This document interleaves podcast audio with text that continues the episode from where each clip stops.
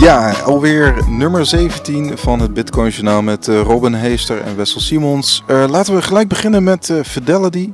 ja, een van de grootste vermogensbeheerders ter wereld. Yes. En nu hebben ze eindelijk een licentie te pakken om in Wall Street zeg maar ook custody services aan te bieden voor Bitcoin. Ja. dus hun klanten zijn pensioenfondsen, maar ook crypto hedge funds zoals Pantera of Galaxy. Uh, nou ja, in ieder geval, het is weer een nieuw stapje voor een Amerikaans uh, financieel instituut, zeg maar, kun je wel zeggen, die, uh, die ja, in deze wereld stapt. Ja, het is voor beleggers is het eigenlijk gewoon puur interessant nieuws. In de zin van, wil jij beleggen in bitcoin en je bent een groot bedrijf op Wall Street, maar je wil geen gedoe met een eigen ledger en een eigen trezor of een andere manier van opslaan. Dan kan je dus nu bij Fidelity aankloppen en uh, daar je bitcoin op laten slaan. Het is een beetje, gaat een beetje in tegen wat bitcoin, uh, waar bitcoin voor staat. Maar tegelijkertijd, ja, wederom, iedereen Waarom? Mag, uh, omdat het van belang is van bitcoin dat je je eigen private keys hebt. Want anders ben je alsnog afhankelijk van iemand Be anders. Your own bank. Juist. En, maar tegelijkertijd, als jij een groot pensioenfondsbeheerder bent, dan kan ik me voorstellen dat je daar nog niet echt trek in hebt. En dan biedt Fidelity dus uitkomst. Ja, ja, het zou het zelfs zijn in Nederland als een uh, groot ambtenarenfonds, pensioenfonds, uh, ABP bijvoorbeeld, zegt uh, van ja. wij willen iets met bitcoin. Het gaat natuurlijk ver om al die pensioensgerechtigden een ledger te geven. Juist, exact. En ja, pensioensgerechten hoeft dan dus niet, want die, die managt het dan dus voor hun. Dat is inderdaad precies wat dit ook gaat doen. Ja. En ik kan me voorstellen dat hier wel vraag naar is, want er, er is gewoon wel behoefte blijkbaar aan exposure aan bitcoin, maar dan wel op manieren waar, die ze gewend zijn. En het is toch ongemakkelijk om zelf dat helemaal op te gaan zetten, denk ik. En ik denk dat een expert op het gebied van vermogensbeheer daar op zich wel geschikt voor is. Ja, Fidelity is echt een naam. Hè? Ik bedoel, dat is echt wel een soort uh, ja, bewijs van de Mercedes onder de auto's, zeg maar.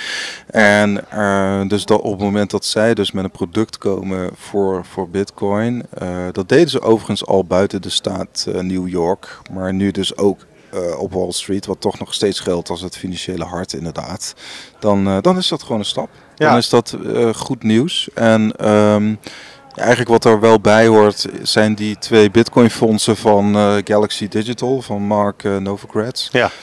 Ook iemand uit die financiële wereld, die, die, die, dat helemaal van A tot Z kent, maar al een tijdje in de crypto zit. Maar hij komt dus nu met twee Bitcoin-only fondsen. Oké. Okay. Want ze, ze hebben al een cryptofonds met uh, 10 of 20 grotere cryptovaluta. En nu gaat hij aan het echte werk. ja, nu, nu doet hij, uh, hij, hij doet aan minimalisme, ja. zullen we maar zeggen. Dus uh, hij doet alleen een Bitcoin-fonds en dan ook nog twee aparte of zo. Bij de ene kun je toch al vanaf 25.000 dollar instappen. Oké. Okay. Uh, bij de andere ligt die drempel iets hoger, dat is onbekend. Maar... En dan gaat dus met Fidelity in zee met die fondsen? Nou ja, de, de, de, de custody van, uh, de stel jij bent een pensioenfonds, jij wil een bitcoin beleggen, je gaat naar Galaxy. Galaxy gaat het voor jou zeg maar uh, beleggen. Ja. dan de bitcoin die je bij Galaxy belegt, die wordt door inderdaad Fidelity opgeslagen, maar ook door BACT. Dus ze hebben een soort duo okay. custody. Dus risicospreiding ook of zo? Ja, ja, dus uh, nou ja, goed, uh, Fidelity die, die vist in dezelfde vijver als uh, BACT en ook Coinbase Custody. Ja. Dus dat zijn nu een beetje de, de gevestigde partijen. Volgens mij Gemini van de Winklevoss Brothers, die doet ook wel wat custody trouwens. Ja, custody is ook wel, een, is ook wel gewoon een dingetje, want het is nog allemaal nieuw. ja, we weten allemaal zelf, als je begint met bitcoin of met crypto, ja, laat het houden op bitcoin, dan is het best lastig om voor het eerst echt veilig dingen op te slaan. In het begin ben ik ook gewoon aankopen gaan doen, dan laat je het gewoon staan op de beurs. En op het moment dat je dan je eerste bitcoin gaat verzenden ergens naartoe, dat is best wel spannend. En je moet toch maar kijken of het allemaal werkt en of je het allemaal vertrouwt. Ja. En ik kan me voorstellen als het over miljoenen slash miljarden pensioengelden gaat bijvoorbeeld, ja, dat het gewoon interessant is. Tegelijkertijd... Um, en ja. mensen zijn conservatief, hè? dus ze willen, ze willen het liefst gewoon met de, dezelfde partner. Hè? Dus als je ook al goud belegt en, en in, in, in stocks en, en, en, en, vastgoed, dan wil je eigenlijk gewoon, ja, ook gewoon met Fidelity blijven ja. werken. Hè? Ik dus denk, het, denk dat het gewoon ook wel een kwestie is van vertrouwen kweken op deze manier. Want als zulke soort grote partijen het in ieder geval aanbieden, dat betekent dat het uh, een legitieme manier is om, in te, om te investeren. En het mooie aan Bitcoin is dus dat je deze fondsen niet nodig hebt. Jij zei net een bedrag van 25.000. Maar als je 25 cent hebt, dan kan je op een bepaalde manier ook al aan je bitcoin komen. Dus het is uh, een mooie toevoeging, denk ik, aan het ecosysteem. Ja, met name voor de grotere beleggers dan. Ja, precies. Uh, en, en, en, en dus, uh, nee ja, goed, interessant. Um, Maar inderdaad, custody, zeg maar, het opslaan van je waardevolle bitcoin, dat is, dat is wel belangrijk. Dus je kunt ook wel zeggen, dat is ook nog wel iets waar banken, zeg maar, in kunnen, kunnen stappen. Ja. Omdat het is een beetje de kluisfunctie eigenlijk. Ja, de, de banken en custody, hoe je dat ook wil noemen, gaat waarschijnlijk niet weg. Alleen je hebt de keuze. Ook die, ook die pensioenfondsen, die zouden in theorie zelf hun bitcoin kunnen managen. Je hebt daar Fidelity ja. niet voor nodig. Alleen in de praktijk is het ook wel gewoon makkelijk voor hun om dat gewoon op deze manier te doen. Want ze doen ook vaak uh, andere dingen, laten ze ook door andere zaken managen, zeg maar. Dus nou, je hebt bijvoorbeeld Ledger, is al zo. Ledger heeft ook een oplossing bijvoorbeeld voor uh, instituties, hè, Ledger Vault. Dus ja. dat zou, uh, als jij gewoon een crypto mannetje hebt bij jouw uh, pensioenfonds, die zou dan ook de Ledger Vault uh, kunnen, ja, kunnen beheren. Ja, kijk, ik blijf erbij. Ik vind het super gaaf dat dit aan de gang is. Maar um, voor de normale bitcoiner is dit meer zo van, ja, leuke toevoeging aan het ecosysteem. Maar dit is niet waar het om draait. Dit is een beetje de oude financiële wereld. Voor Bob en Alice maakt het niet zo heel veel uit. nee, precies. Exact. Oké, okay, nou ja, uh, deze week hadden we ook een, uh, een interview met uh, Mark van der Sijs. Um, ja, een bekende ondernemer eigenlijk. Tenminste, hij heeft in China heeft hij ooit de Chinese tegenhanger van YouTube opgericht. Ja, goed geld aan verdiend lekker aan verdiend inderdaad. Dat volgens mij ook weer in bitcoin gestopt. Hij was er redelijk snel bij, 2013 bij bitcoin in ieder geval. Um, en nou ja, goed, we hebben over een aantal onderwerpen gesproken. Over bitcoin, lightning netwerk als, als betalingsmiddel. En uh, nou, hij ziet bitcoin echt wel als een alternatief voor het financiële stelsel. Dat vond ik op zich wel een leuke eye-opener. Ja, hij trapte behoorlijk tegen, tegen het financiële stelsel aan hè. En uh, ja, je kan het trouwens luisteren op onze op Bitcoin Journaal uh, podcast kanalen en op YouTube van Bitcoin Magazine NL. Ja. Mocht je het hele interview willen luisteren, even tussendoor. ja, nee, inderdaad. Nou ja, kijk, hij, hij heeft een beetje het vertrouwen verloren in de financiële wereld, omdat uh, hij had nog wat bankrekeningen in Cyprus. Nou, daar had je toen de bankencrisis inderdaad. En hij kon gewoon niet meer bij zijn geld. Het geld was gewoon weg. En hij, hij denkt, hij vermoedt dat wij ook in het Westen nog door een diepere financiële crisis gaan. Dus dat wij een deel van ons geld, spaargeld of pensioengeld, dat wij er gewoon niet meer bij kunnen komen. En dat is ook gewoon al gebeurd hè, in Griekenland. Ja. Er, is al, nou, dat is relatief dicht bij huis, dus gewoon in de eurozone is dat aan de gang geweest. Of is dat, is niet meer nu, maar dat is in ieder geval uh, flink over de kop gegaan daar. En ja, het, is, het zou raar zijn als het nooit meer gaat gebeuren. Je kan ervan uitgaan dat het een keer gaat gebeuren. En dan komt, komen dingen als bitcoin in het spel. Dat je zoiets hebt van ja, dan kan ik tenminste altijd bij mijn geld. Als je het in ieder geval een eigen beheer hebt. Ja, het is ongeveer 100 jaar geleden in Europa ook gewoon gebeurd. Hè. Je had natuurlijk in, uh, in Duitsland toen ook hyperinflatie. Dat heeft uiteindelijk geleid tot, uh, ja, uiteindelijk zelfs de Tweede Wereldoorlog. Hele narigheid. Ja, maar goed, de, de, dat er hyperinflatie uh, kan voorkomen in westerse landen, dat, dat, dat lijkt een beetje ver van bedshow. Hè? Dat is Venezuela, Argentinië, Zimbabwe. En dat is en ook, totdat het, totdat het niet meer zo is. En dan hebben we een probleem. Nee, precies. Totdat dat, dat eigenlijk, dat denk ik dan uh, een beetje met mijn lekenkennis, uh, in ieder geval de, dat quantitative easing, dat, dat gaat zich op de duur denk ik tegenwerken. Want je, ja, quantitative easing, blijven... geld bijprinten, even simpel ja, kort ja, gezegd. Dat, dat, ja. dat gaat op de duur toch tegen je werken, zou je zeggen? Uh, nou ja, tegen de waarde van de munt sowieso, want er komt meer geld in het spel. Dus jouw eurotje is minder van de totale stapel aan euro's. Ja, dus... maar het hele idee dat je dus inflatie nodig hebt om die economie aan te jagen, ja. dat, dat gaat op den duur, uh, dat gaat denk ik op de duur spaak lopen. Ja, dat gevoel heb je, krijg je heel erg, zeker als je dus met bitcoin bezig bent. Want dan zie je dus uh, wat, wat, je, wat voor monetair beleid ook mogelijk is. En dat wil niet zeggen dat, uh, dat bitcoin de oplossing is die alles gaat, alles gaat fixen. Bitcoin fixes this. Hmm. Maar het toont in ieder geval aan dat er andere manieren zijn dan hoe we het nu doen. Dat we gewoon, nu hebben we een soort van ongelimiteerd aantal geld. En het is maar de, de vraag hoeveel geld, of hoeveel jouw geld nog waard is over tien jaar, bij wijze van spreken. En bij Bitcoin weet je donders goed uh, hoeveel jouw Bitcoin waard is op het netwerk. Want er is altijd één Bitcoin. In de zin van, uh, er, wordt, er wordt wel constant Bitcoin gemined, maar we weten hoe dat gaat en je kan daar rekening mee houden. En dat is bij de euro gewoon niet. Nee, nee, en je kunt ook zeggen, hè, vandaar dat uh, ja, China denkt aan een stablecoin. Dat betekent dat ze ook meer controle krijgen over de uitgifte van een munt. Dus ja. in zekere zin krijgen ze meer. Uh, Uitbannen van cashgeld. Is dat eigenlijk, eigenlijk ja. is dat de stap? Ja, maar je kunt zeggen, hè, als je, als je zeg maar valuta on-chain gaat zetten, dan krijg je dus meer uh, controle ook. Hè? Dus vanuit de staat kun je daar meer controle Als het een uitoefenen. fiat-valuta is, inderdaad. Precies. Ja. Ja. Maar dat kan ook de achterliggende gedachte zijn waarom eh, China. Hij en Van Gijs die, die verwacht daar veel van. Eh, hij vertelde ook dat. Van de stablecoins? eh, ja, Ja. nou, in ieder geval de Chinese dan. ja. Als is- van, hij verwacht dat, het een, dat ze Een het door gaan voeren en dat ze het gewoon als betaalmiddel gaan gebruiken. Ja. ja. Nou, hij, hij ziet nog niet zo snel dat, dat Bitcoin dus in de huidige staat zeg maar, van het Lightning-netwerk als zeg maar, echt een alternatief gaat worden voor ons fiat-systeem. Nee. Als betaalmiddel dan. Dus hij ziet Bitcoin toch op dit moment meer als een investering. Ja. Als digitaal goud. Iets wat je vastzet en dan uh, kijk je wel uh, wat qua waarde doet. Maar hij gebruikt het dus niet actief als betaalmiddel. Nee, nee, nee, hij heeft dan wel een aantal nodes op eh, het Lightning netwerk gewoon om uit te proberen. Hè. Daar heeft ja. hij heeft twee bitcoin neergelegd. Het alle ja, nice. kan gewoon eventjes. Het alleropmerkelijkste eigenlijk aan dit interview, en dan houden we erover op, want de rest moet je gewoon even luisteren, denk ik. Is ook zo. Ehm, um, dat hij met zijn bitcoin mining bedrijf Hut 8 eh, eigenlijk geen bitcoin verkoopt, maar gewoon aan het mijnen is en dat lekker in de, in de kluis stopt. Dus het is gewoon een. Uh, eigenlijk is het een onderneming een investering in de toekomst van dat bitcoin dus meer waard wordt. Ja, het is een enorme hodler. Eh, waarschijnlijk een van de grotere hodlers. Ja, in, ieder geval, in ieder geval met een Nederlands paspoort, dat kunnen we wel stellen.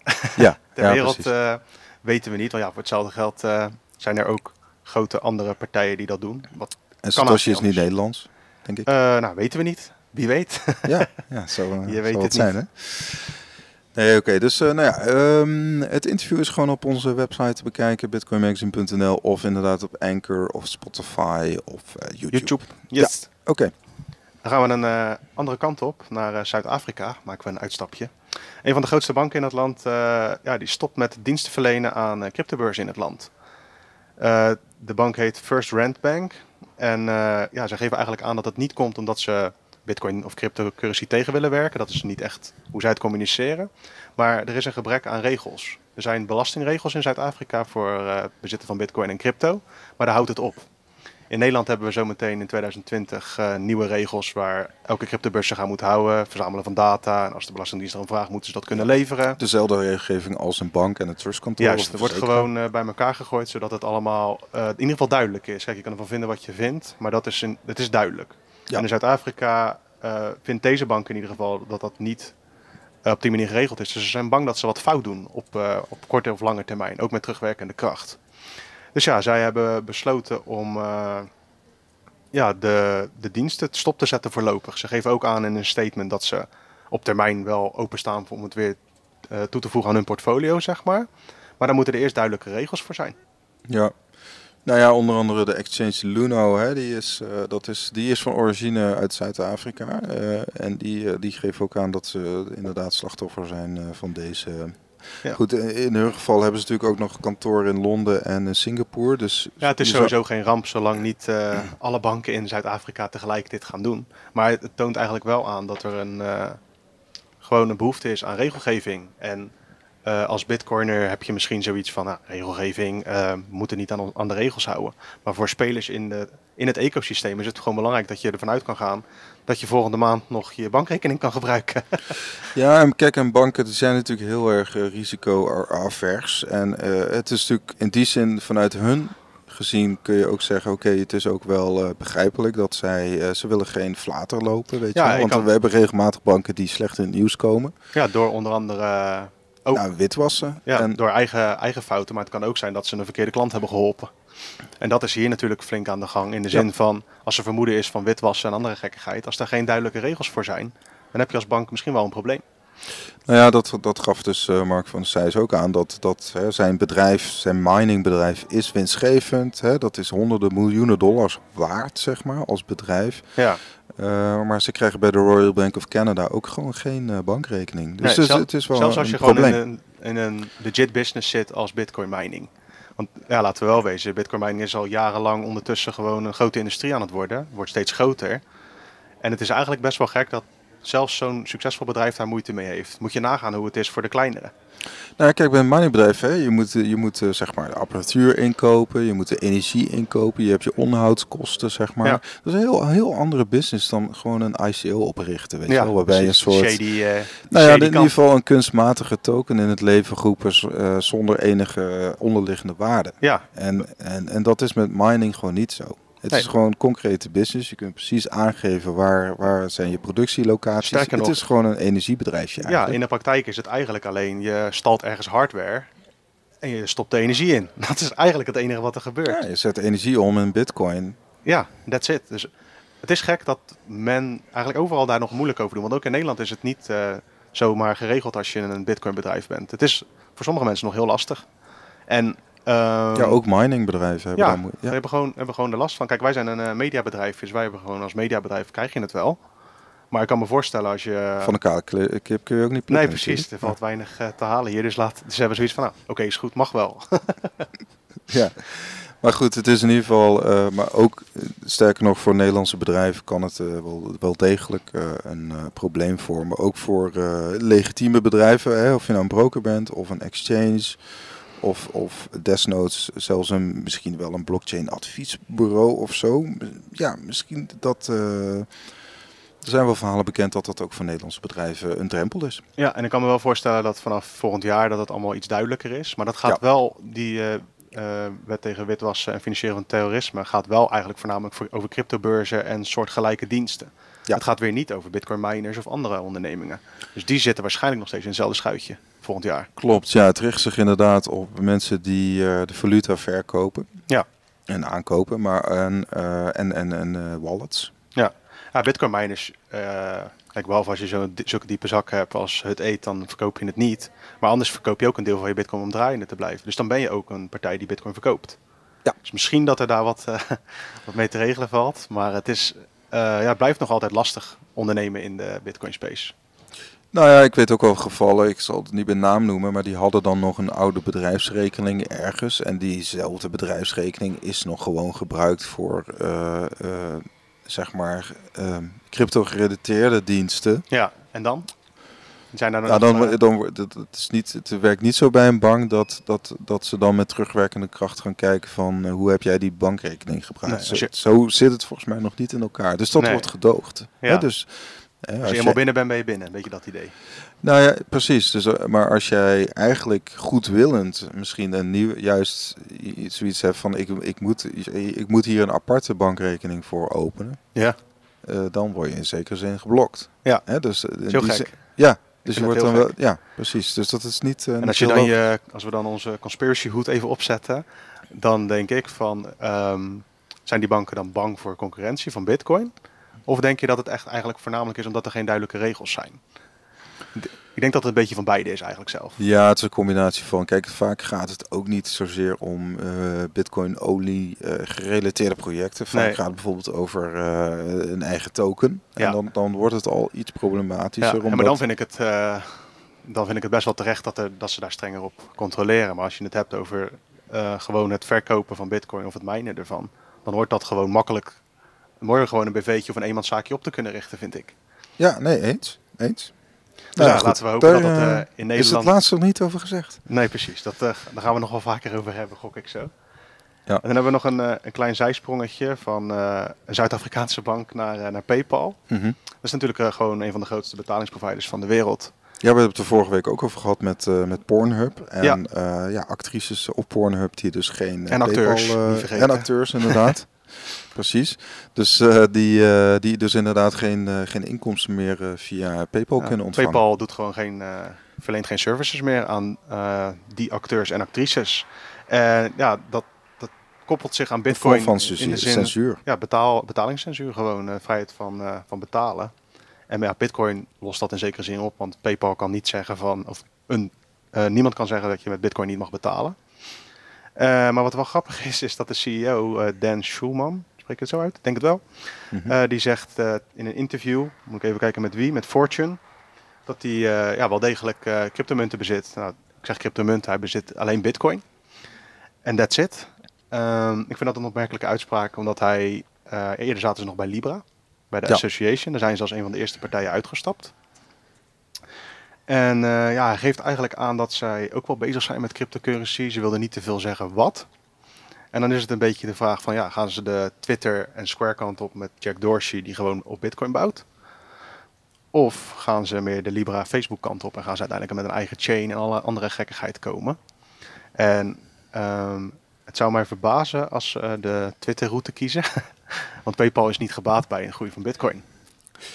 Nee, nee, precies. Want eh, kijk, in tegenstelling tot Twitter hebben ze natuurlijk een heel andere, eh, ja, een heel andere positie, zeg maar. Ja. Want ze zijn zelf ook eh, payment provider. ja, dus maar dat is Square op zich ook wel, zeg maar. En Ze zijn geen payment Ja, dat provider, klopt. maar een dus- app. ja, het is gewoon een app waar je aandelen bijvoorbeeld nu kunt kopen, ook met Bitcoin trouwens, Square. Ja. Die zijn daar wel hard mee bezig. Maar goed, terug naar PayPal. Nou ja, kijk, PayPal die, die heeft natuurlijk iets meer, ehm, hoe zou ik het zeggen, andere belangen, zeg maar. Dus, dus je kunt zeggen van, nou ja, waarom zijn ze uit Libra gestapt? Dat, dat kan natuurlijk zo zijn dat ze, dat ze zelf een, een eigen munt willen gaan starten, een Ja. eigen blockchain. Nou, misschien hadden ze gewoon eh, tijdens, dat, eh, tijdens die gesprekken wel een beetje FOMO. Zoiets van, oh, ik moet erbij zitten, want misschien wordt dit wel huge. Ja, dat zou en kunnen. nu blijkt achteraf dat het voorlopig toch, ja, nat scheet wil ik het niet noemen. Maar het gaat nog wel even duren voordat het gestalte krijgt en allemaal door de, door de ballotagecommissies gaat komen, zeg maar. Ja, nou ja, ik zag het vanochtend ook Shapeshift, hè, die komt dan ook met een eigen token bijvoorbeeld. En, en, en- Ja. nou ja, goed, de, de vraag is van, wat, wat is nou de toegevoegde waarde van een eigen token? Niks. Dus- Geld verdienen. Nee, maar Ja. En dat is het. eh, en daarom vind ik het, dan ga ik toch nog even terug naar Twitter en Jack Dorsey. Daarom vind ik het van hun zo krachtig dat ze als een van de weinige Silicon Valley bedrijven gewoon zoiets hebben van ja, het is Bitcoin en daar gaan we gewoon op bouwen. Want Square die, eh, die pakt gewoon 11% van heel de blokreward van, de, van een kwartaal pakken zij en dat verkopen ze. Ja. Dat is 11%, dat is echt gigantisch veel. Ja, wauw. Nou ja, kijk, bij, bij Square heeft gewoon een aparte crypto-afdeling met ook een aantal Bitcoin-ontwikkelaars. Eh, dus zij, dit is echt een principiële keuze. Ja. En er zijn weinig bedrijven die dat, eh, die dat maken. Je, ehm, er zijn natuurlijk wel wat exchanges die ook wel Bitcoin-ontwikkelaars eh ondersteunen, mondjes- zoals Bitmax. Ja. doen ze gewoon af en toe eens een beetje PR-actie. En dat is ook wel waar je naartoe moet, denk ik, als industrie. Want iedereen maakt gebruik van het open source netwerk. Ja. Maar het moet wel onderhouden worden. Maar goed, kijk, zo'n PayPal komt uit een hele andere e- ecosysteem. Hè? Dus Ja. die, ehm, die komt echt uit het, uit het Amerikaanse bedrijfsleven, internationale bedrijfsleven. Dus die, ja, die heeft gewoon hele andere belangen dan, dan een open source project eh ondersteunen. Ja, nee, sowieso. Het is ook niet, eh, kijk, je hoeft ze niet kwalijk te nemen dat ze dat niet op deze manier doen. Want het, is, Mm. het is niet in hun belang om Bitcoin te laten groeien. Kijk, het is misschien een. eh, je zou het graag willen zien, misschien. Maar eh, ik kan me vanuit hun wel voorstellen dat ze niet gelijk voelen om Bitcoin inzetten. Ja, wat, wat zou je vanuit hun... Wat, stel dat jij CEO bent van, van, van, van, van PayPal, weet je wel. Ja. Nou ja, je, je zou er kunnen denken van, oké, misschien moeten bepaalde interne processen efficiënter ingericht worden. Misschien is deze een soort Nou, misschien van... om te beginnen kan je misschien gewoon Bitcoin betalingen überhaupt accepteren. Ja.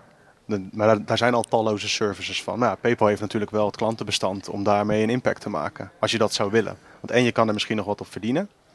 En het, eh, het biedt extra mogelijkheden voor zowel koper als verkoper. Tegelijkertijd, ja, eh, ik kan me voorstellen dat ze daar heus wel onderzoek naar hebben gedaan. En het blijkt ook gewoon, zoals in Nederland met Molly. Die hebben het, dat is ook een betalingsprovider. Die hebben het weer weggehaald. Want bijna niemand gebruikte het. Dus het is misschien ook een beetje wishful thinking om zo'n betalingsprovider daarop aan te spreken. In de zin van, ja, waarom doen nu geen bitcoin? Nou, waarschijnlijk omdat er niet zoveel vraag naar is. Ja, en Want het is denk ik toch ook wel een concurrent, hè? Want eh, we Ja. hadden een tijdje geleden dat in Italië was dat, dat interview van, eh, of interview, dat onderzoek van eh, online afrekenen. Dat Ja. was van, nummer 1 was PayPal, nummer Ja. 2 was een Italiaanse PayPal Ja, en nummer 3 was Bitcoin. Ja, boven creditcards. Ja, ja dus- precies. Dus, nou ja, weet je, als jij gewoon heel makkelijk, ik noem maar wat, ja, gewoon online kan afrekenen met Bitcoin met een of andere wallet. Ja, dan, maar een bitcoiner heeft daar PayPal niet voor nodig. Dat Nee, is een dus beetje het het, is- eh, een nee, beetje het ding. En eh, Bitcoin rekent natuurlijk niet zulke hoge commissies. Ja, je mag zelf bepalen hoeveel je, hoeveel je transactiekosten kosten, toch? Ja, en ook de, kijk, eh, PayPal doet ook nog iets met eh, de, mm, PayPal is gewoon stervensduur. nee goed, maar ze doen ook iets met onwisselkoersen. Ja, precies. Dus daar, je pakken- betaalt altijd overal winst een hogere fee. Ja, daar En zijn dat- hartstikke groot mee geworden. En toen de tijd toen ze begonnen, hebben ze wel een gat gevuld. In de zin van, het is eigenlijk een soort van makkelijke manier om een wereldwijde creditcard aan te maken. Even simpel. Ja, het was die e-commerce wave, maar Ja. die e-commerce wave is toch wel een beetje klaar. Ex-PayPal mensen hebben ook wel eens aangegeven van, eh, ik kom even niet bij naam, maar eh, die eens aangegeven ja, wat Bitcoin nu doet. Ooit hadden we voor PayPal ook zoiets voor ogen van, ja, we willen gewoon mensen de vrijheid geven van betalingen en et cetera. Maar die zijn ondertussen gewoon een corporate financieel Ja, product 20, jaar, geworden 20 natuurlijk. jaar geleden was dit gewoon, zeg maar, eh, toen jij nog niet zo heel oud was. Opa maar- vertelt. ik ben nog net geen opa, maar... Ja. Nee, maar toen, eh, toen was het natuurlijk gewoon vernieuw, vernieuwend. Weet Ja. je wel? Je had, je, had, je had niet, niet zoveel. Je had een bank en je had eh, misschien Visa, weet je wel, of. American Express. Maar het, zeg maar een online, of een- überhaupt een app, zeg maar. Dat, dat was ook helemaal nieuw. Ja, technologisch hoogstandje wordt uiteindelijk voorbijgestreefd. En ik denk dat op termijn dat eh, Bitcoin dat wel gaat doen bij PayPal. Nou ja, en er was ook dat recente onderzoek hè, in Amerika met de millennials, die, die toch gewoon, en dat, die, die gewoon meer vertrouwen hebben in, eh, in bitcoin dan in een bank. Of Meer vertrouwen in wiskunde dan in mensen. Raar hè? Ja, ja, hoe zou dat komen? Maar Ja. goed, het, het, het heeft denk Misschien ook- dat geen enkele millennial een huis kan kopen. Uh, Nou, het is- ik een beetje. Maar, Nee, maar het is ook gewoon het digitale, weet je Ja. Dus het digitale, het feit dat je het kan meenemen. Ja. Je, je, het, je kunt het gewoon in je telefoon meenemen, je, Ja. je, je, vermogen. Een, eh, op een hardware wallet, paper wallet. Of zelfs alleen in je hoofd als je dat vertrouwt. 12 of 24 woorden onthouden. Nee, maar je kunt dus inderdaad je bitcoin, versleuteld en al, Ja. in je telefoon meenemen. Er zit die bitcoin zit niet in je telefoon, maar Nee, goed, ja. bewijs van dat je ermee kan betalen. En daar heb je dus inderdaad geen, Geen PayPal meer nodig. Geen, geen eh, derde partij bij nodig. Juist. Dus PayPal is op termijn wel gewoon... eh, als Bitcoin door blijft groeien, het ecosysteem, dan is het gewoon klaar op dat gebied. Nou ja, klaar, ze gaan in ieder geval kleiner worden. En dat, Ja. dat gaat natuurlijk ook met de banken gebeuren. Dus ze, ze, ze gaan gewoon kleiner worden. Ja. Dus de, het- ze gaan misschien niet verdwijnen, want ze zullen echt nog wel een soort van ehm, ja, functie hebben. Misschien als een custodian of als een clearing. Ja, er is huis. van alles mogelijk. Maar ze worden kleiner. Maar de, het geld van het internet eh, wordt bitcoin en niet de dollar voor je PayPal. Dat is een beetje het, eh, de tendens waar we nu naartoe gaan. Nee, maar goed, ik, ik denk wel dat er een soort tussenfase aankomt als we toch aan het speculeren zijn. Dat Ja. je het inderdaad misschien een soort digitale variant krijgt van fiat geld. Ja. En dat, eh, dat in, de slipstream, in de slipstream zal bitcoin gewoon doorgroeien als betaalmiddel. Ja, En, maar dat heeft wel ook nog tijd nodig. Want eh, bitcoin kan ook niet nu het volume aan van PayPal.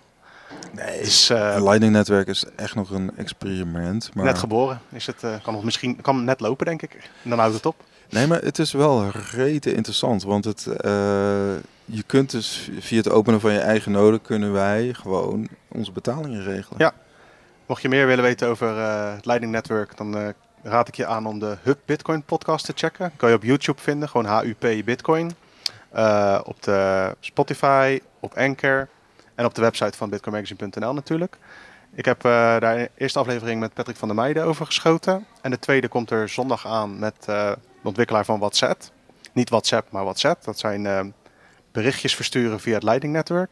Dus mocht je dat interessant vinden, ja, tune vooral zondag in. En dan hoor je een interessant gesprek. Ja, en volgende week ook op de website. Ik heb een gesprek gehad met Hodl Hodl. Dat is een peer-to-peer exchange eh, met betrekking tot Bitcoin. En ehm, ja, dus nog veel meer interessante eh, content op eh, bitcoinmagazine.nl. En ga vooral naar de socials of praat bijvoorbeeld mee op Telegram. En ja, vergeet vooral ook niet op YouTube eh, te abonneren, want daar heb je een dagelijkse TA van John Vermeer. Nou, dat was het eh, reclameplaatje, eh, reclamepraatje. Dankjewel voor het luisteren en tot de volgende. Ja. Hoi hoi. Doei doei!